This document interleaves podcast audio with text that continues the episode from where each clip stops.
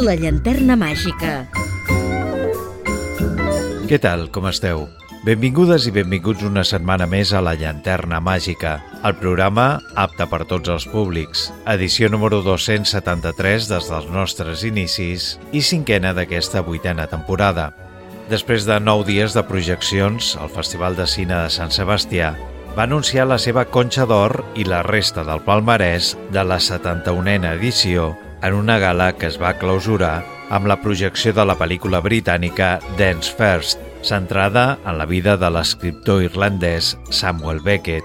La cerimònia, que es va celebrar en el Palau de Congressos i Auditori Cursal, va projectar el film de James Marsh, protagonitzat per Gabriel Byrne, que aborda les múltiples facetes de l'autor de Tot esperant Godot. Aquest any ha destacat la presència de dones directores en 7 dels 16 títols a competició, entre elles l'espanyola Isabel Coixet, amb la seva adaptació de la novel·la Un amor, de Sara Mesa, que es va trobar amb tants defensors enèrgics com detractors. En el programa d'avui coneixerem algunes d'aquestes produccions que van ser mereixedores de formar part del palmarès del festival. Però abans d'endinsar-nos en el tema, deixem-me que us recordi que podeu seguir la nostra activitat i escoltar els darrers programes emesos a les xarxes socials. Segueix el programa al Facebook facebook.com barra la llanterna màgica. Tenim una adreça de correu electrònic per si us cal contactar amb nosaltres o fer-nos arribar les vostres consultes o suggeriments. Vols contactar amb el programa? Llanterna01 arroba gmail.com Un cop feta la introducció, comencem. La llanterna màgica, amb Jordi Terrades.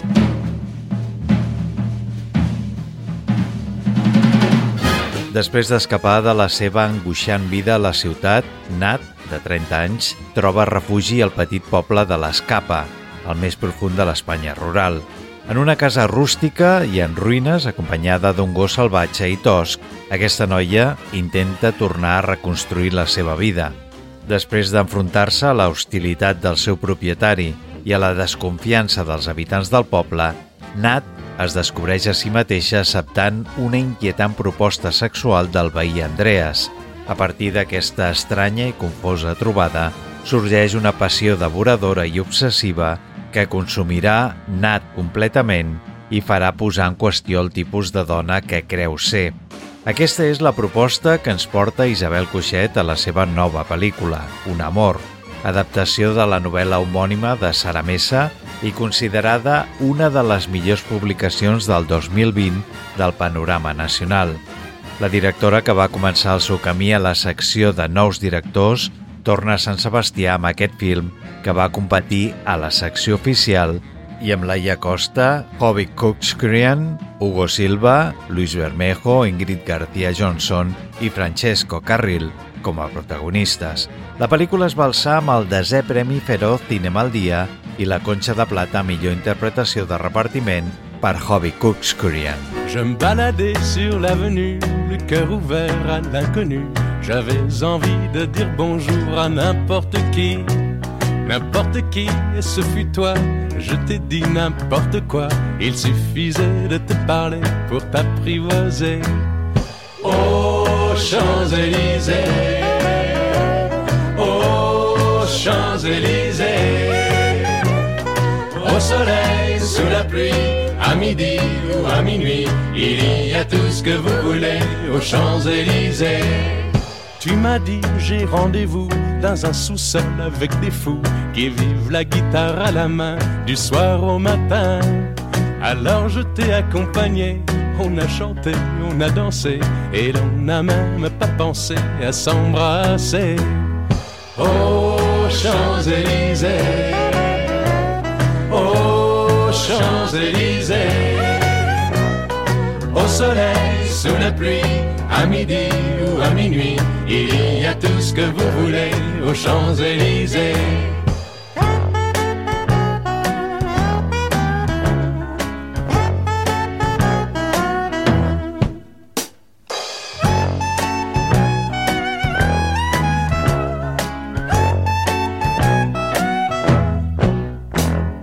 Hier soir, deux inconnus, et ce matin sur l'avenue, amoureux tout étourdis par la longue nuit. Et de l'étoile à la concorde, un orchestre a mis le corps. Tous les oiseaux du point du jour chantent l'amour. Aux Champs-Élysées, aux Champs-Élysées, au soleil, sous la pluie, à midi ou à minuit, il y a tout ce que vous voulez aux Champs-Élysées. Champs-Élysées,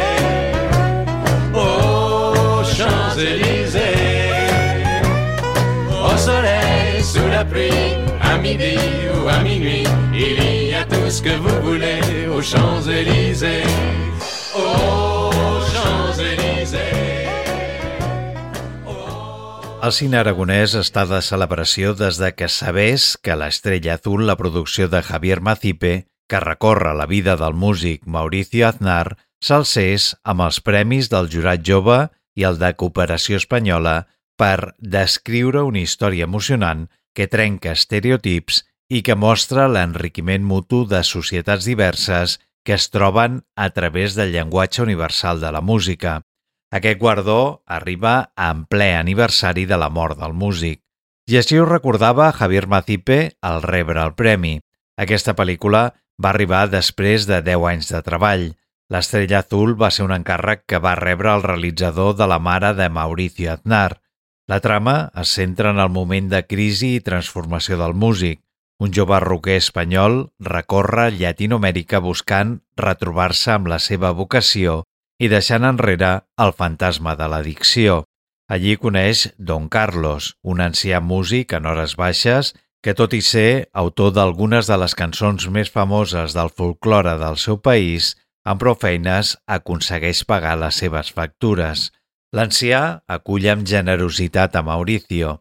De la seva trobada neix un extravagant duo quixotesc amb tots els aspectes de ser un absolut fracàs comercial. I remember the color of your smile.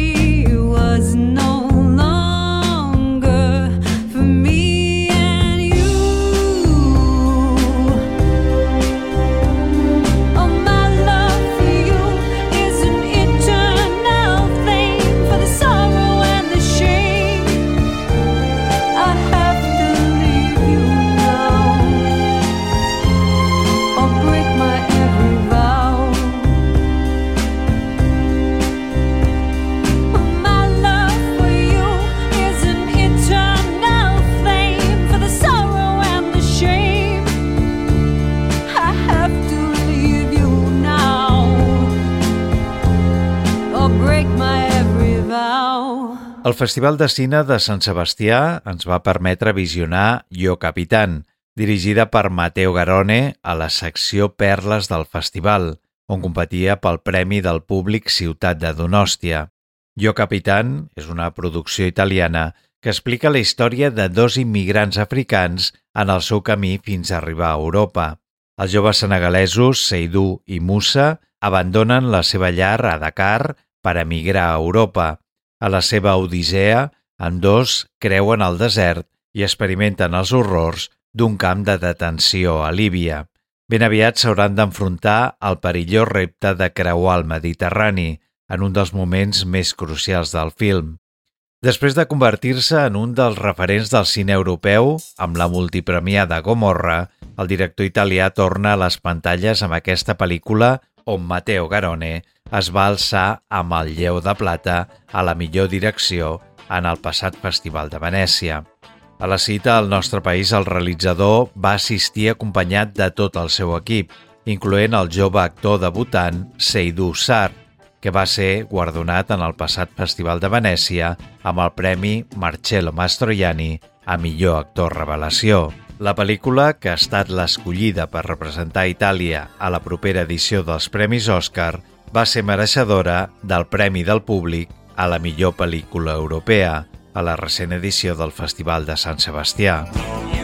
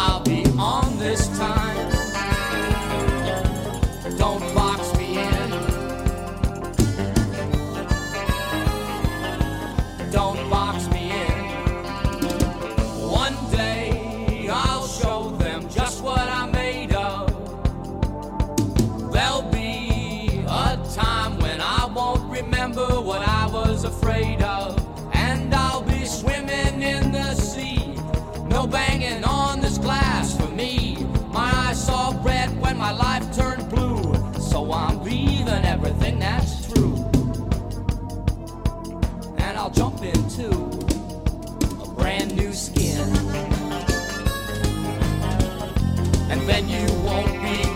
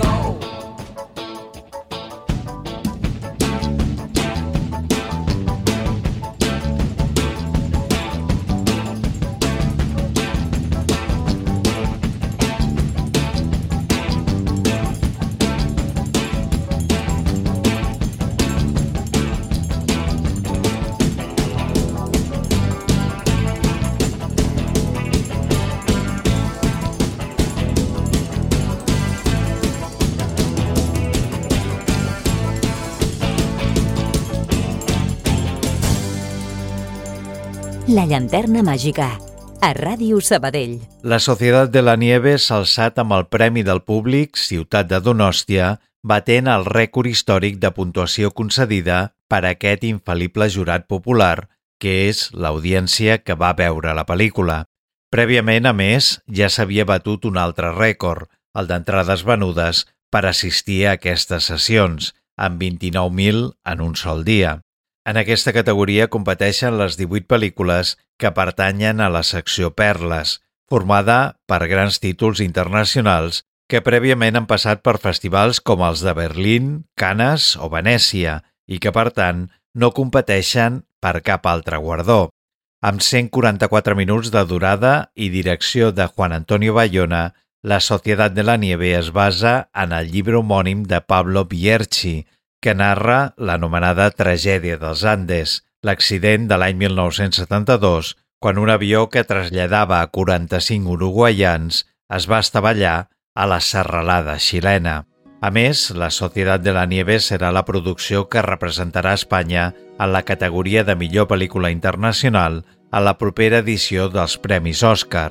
La cinta va ser preseleccionada juntament amb Cerrar los ojos i 20.000 espècies d'abejas. A partir d'ara, s'obre el llarg procés per arribar fins als Òscar i haurà de superar el primer tall o shortlist el proper 21 de desembre. El 23 de gener es coneixeran les nominades de totes les categories. Si supera totes aquestes fases, la Societat de la Nieve competirà per aquesta categoria el proper 12 de març a la propera gala dels Premis Òscar.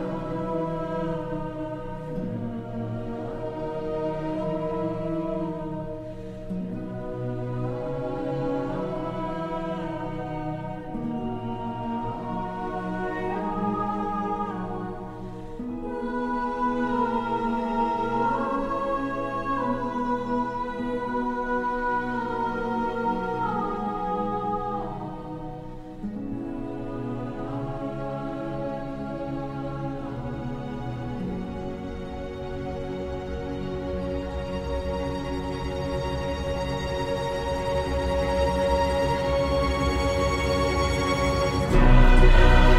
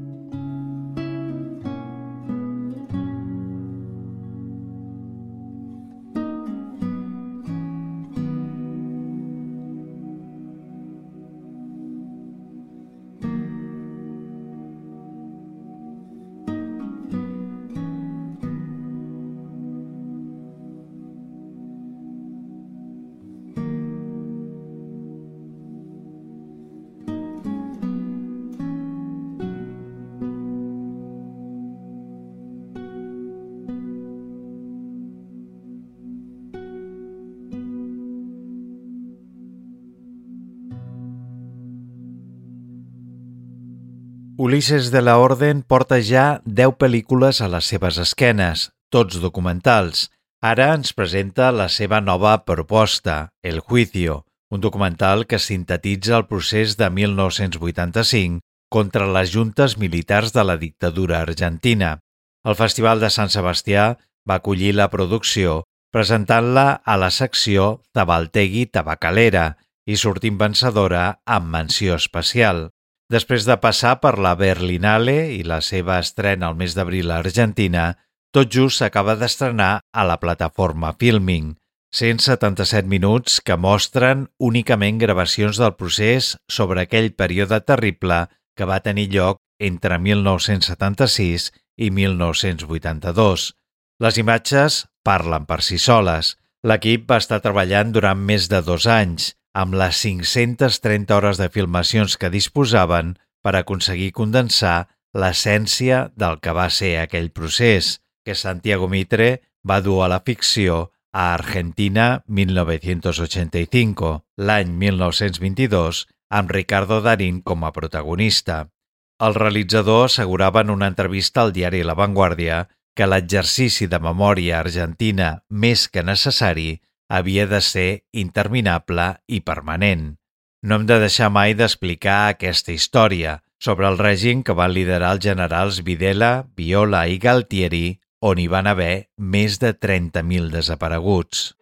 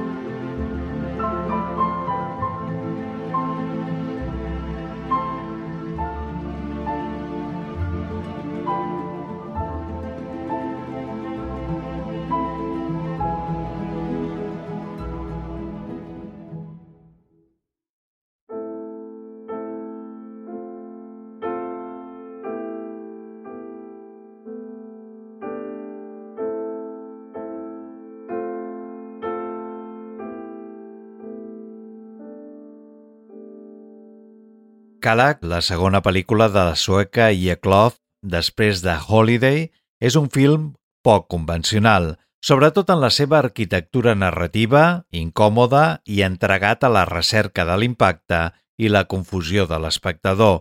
Una pel·lícula que, segons les paraules de la seva pròpia directora, treballa en contra de les expectatives del públic.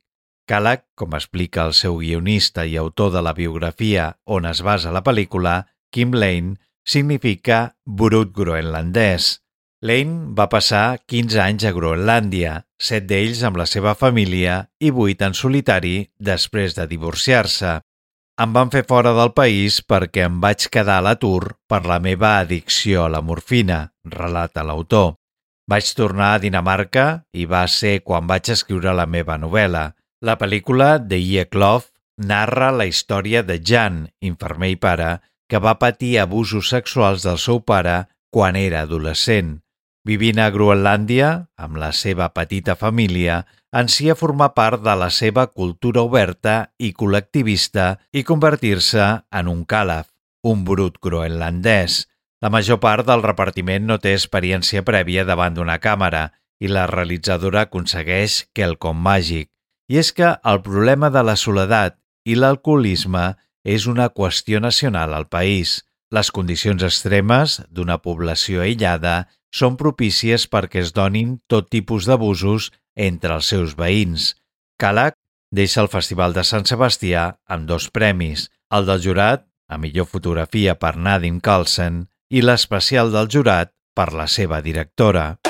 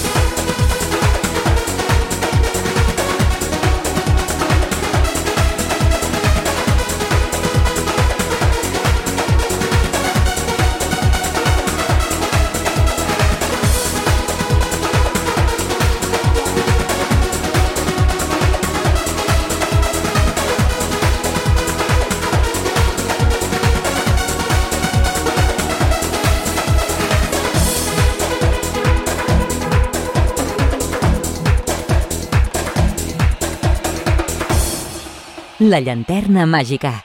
Disponible a Spotify, Apple Podcast i iVox. Els llargmetratges argentins Puan, El Castillo i El auge de l'humano 3 van guanyar respectivament els premis a millor guió, Horizontes i Zabaltegui Tabacalera, a la 71a edició del festival.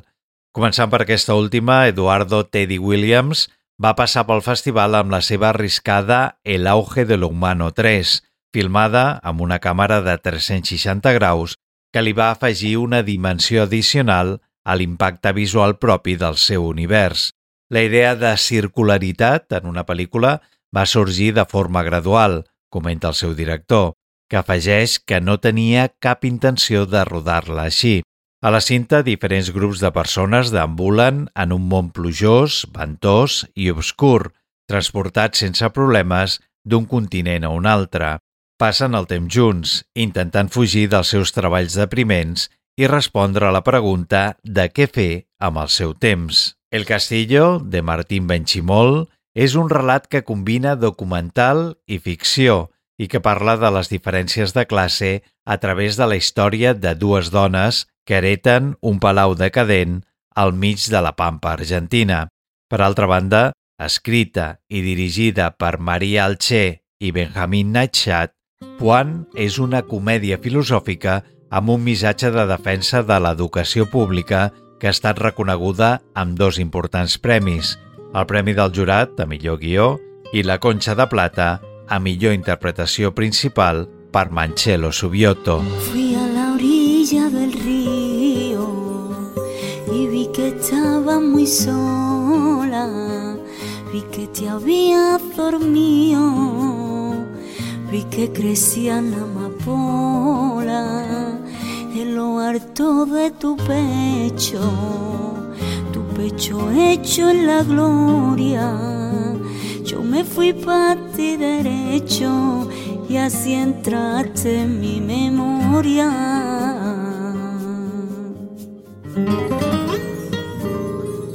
Tú me vestiste los ojos, yo te quitaba ropa, todas las palomas que cojo vuelan a la pata coja. Tú ibas abriendo la sala, yo iba cerrando la boca. Tú eras flor desarropada y yo el calor.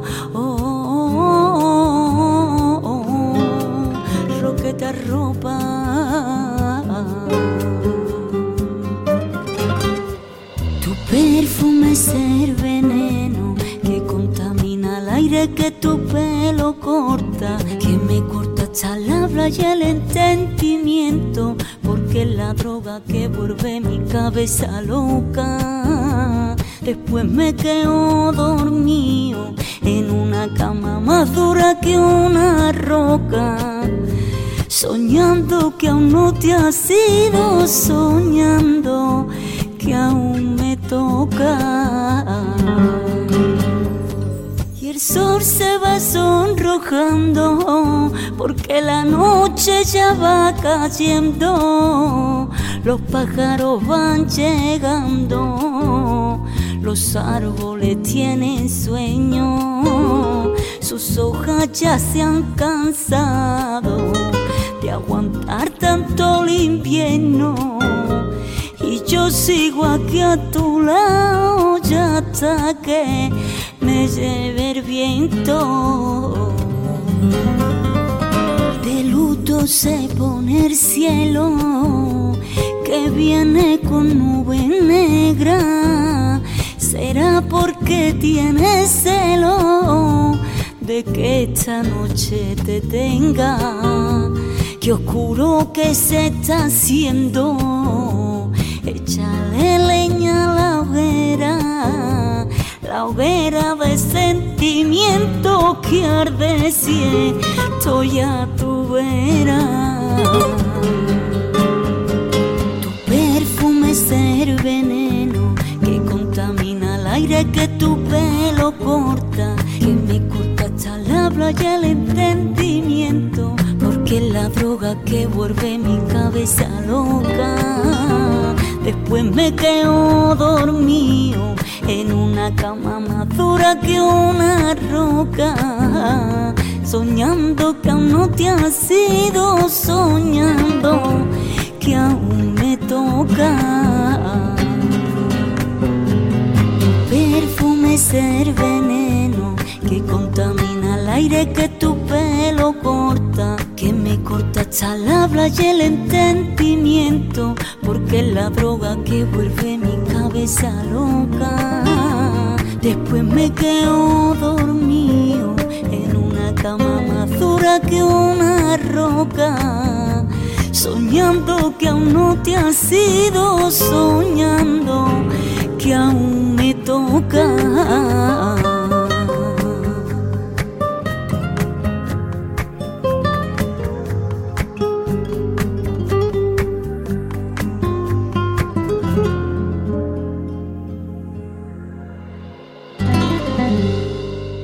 El cine japonès actual sembla travessar per un trauma nacional, la proliferació de l'Alzheimer i la demència.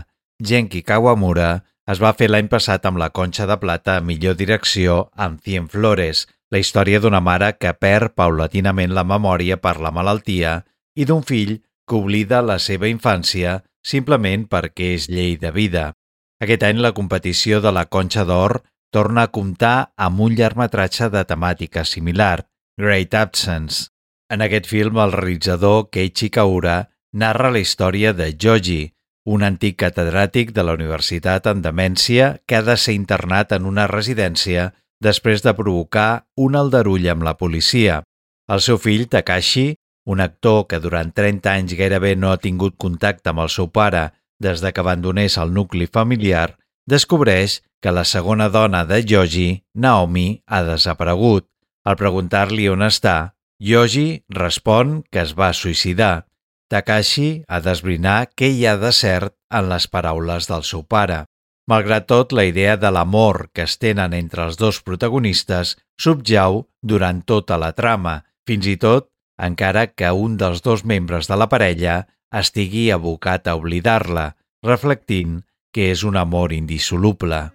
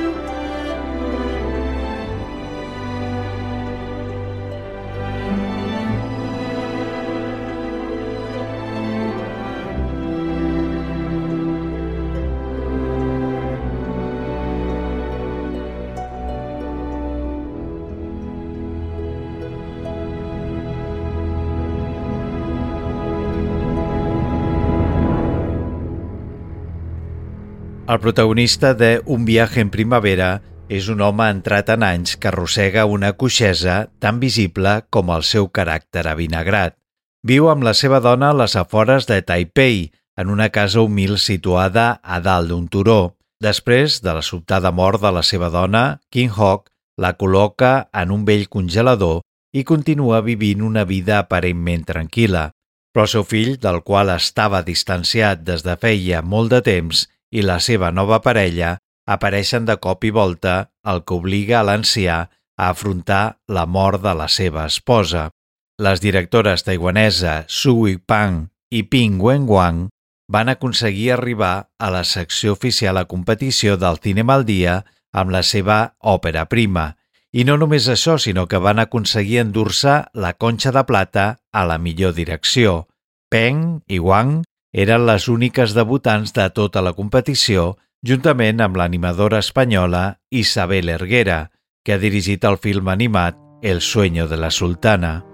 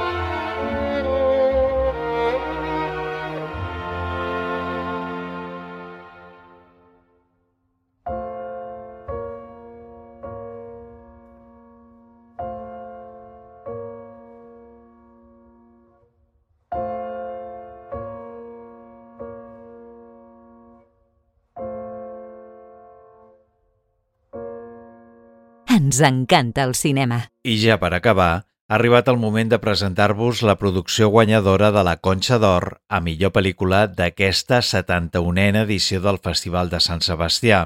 Em refereixo a Ocorno, segona pel·lícula de Jaione Camborda, directora d'origen donostiarra i arrelada a Santiago des de fa més de 15 anys. D'aquesta forma, Camborda aconsegueix el que és el primer triomf absolut d'una pel·lícula gallega en un festival de classe A, el circuit dels certàmens més rellevants del panorama internacional. Jaione Camborda és, a més, la primera dona espanyola que aconsegueix guanyar la Conxa d'Or. Així, el seu nom ve a sumar-se al de col·legues com Víctor Erice, José Luis Borau, Moncho Armendariz, Juanma Bajo Ulloa, Fernando León, Carlos Bermud, Manuel Gutiérrez Aragón i Manol Uribe e Isaki La Cuesta. A la producció, Maria és una dona que es guanya la vida recollint marisc. També és coneguda a la illa per ajudar altres dones al part amb especial dedicació i cura. Després d'un succés inesperat, es veu obligada a fugir i emprèn un viatge perillós que la farà lluitar per la seva supervivència. A la recerca de la seva llibertat, Maria decideix travessar la frontera per una de les rutes de contrabandistes entre Galícia i Portugal. I fins aquí tot el que ens ha donat el temps per avui. Rebeu una salutació de qui us ha estat acompanyant al llarg d'aquest programa, Jordi Terrades. Com sempre us diem, gràcies per la vostra atenció. Sense vosaltres, ja ho sabeu, no seríem res i us esperem a la propera edició de La Llanterna Màgica. De manhã que medo que me achasses feia Tremendo deitada na areia Mas logo os teus olhos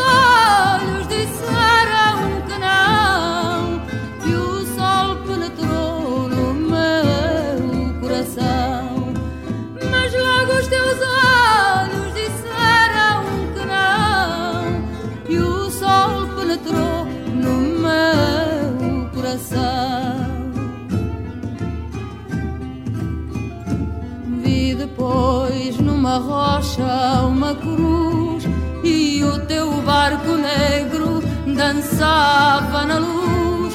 Vi teu braço acenando entre as velas já soltas. Dizem as velhas da praia que não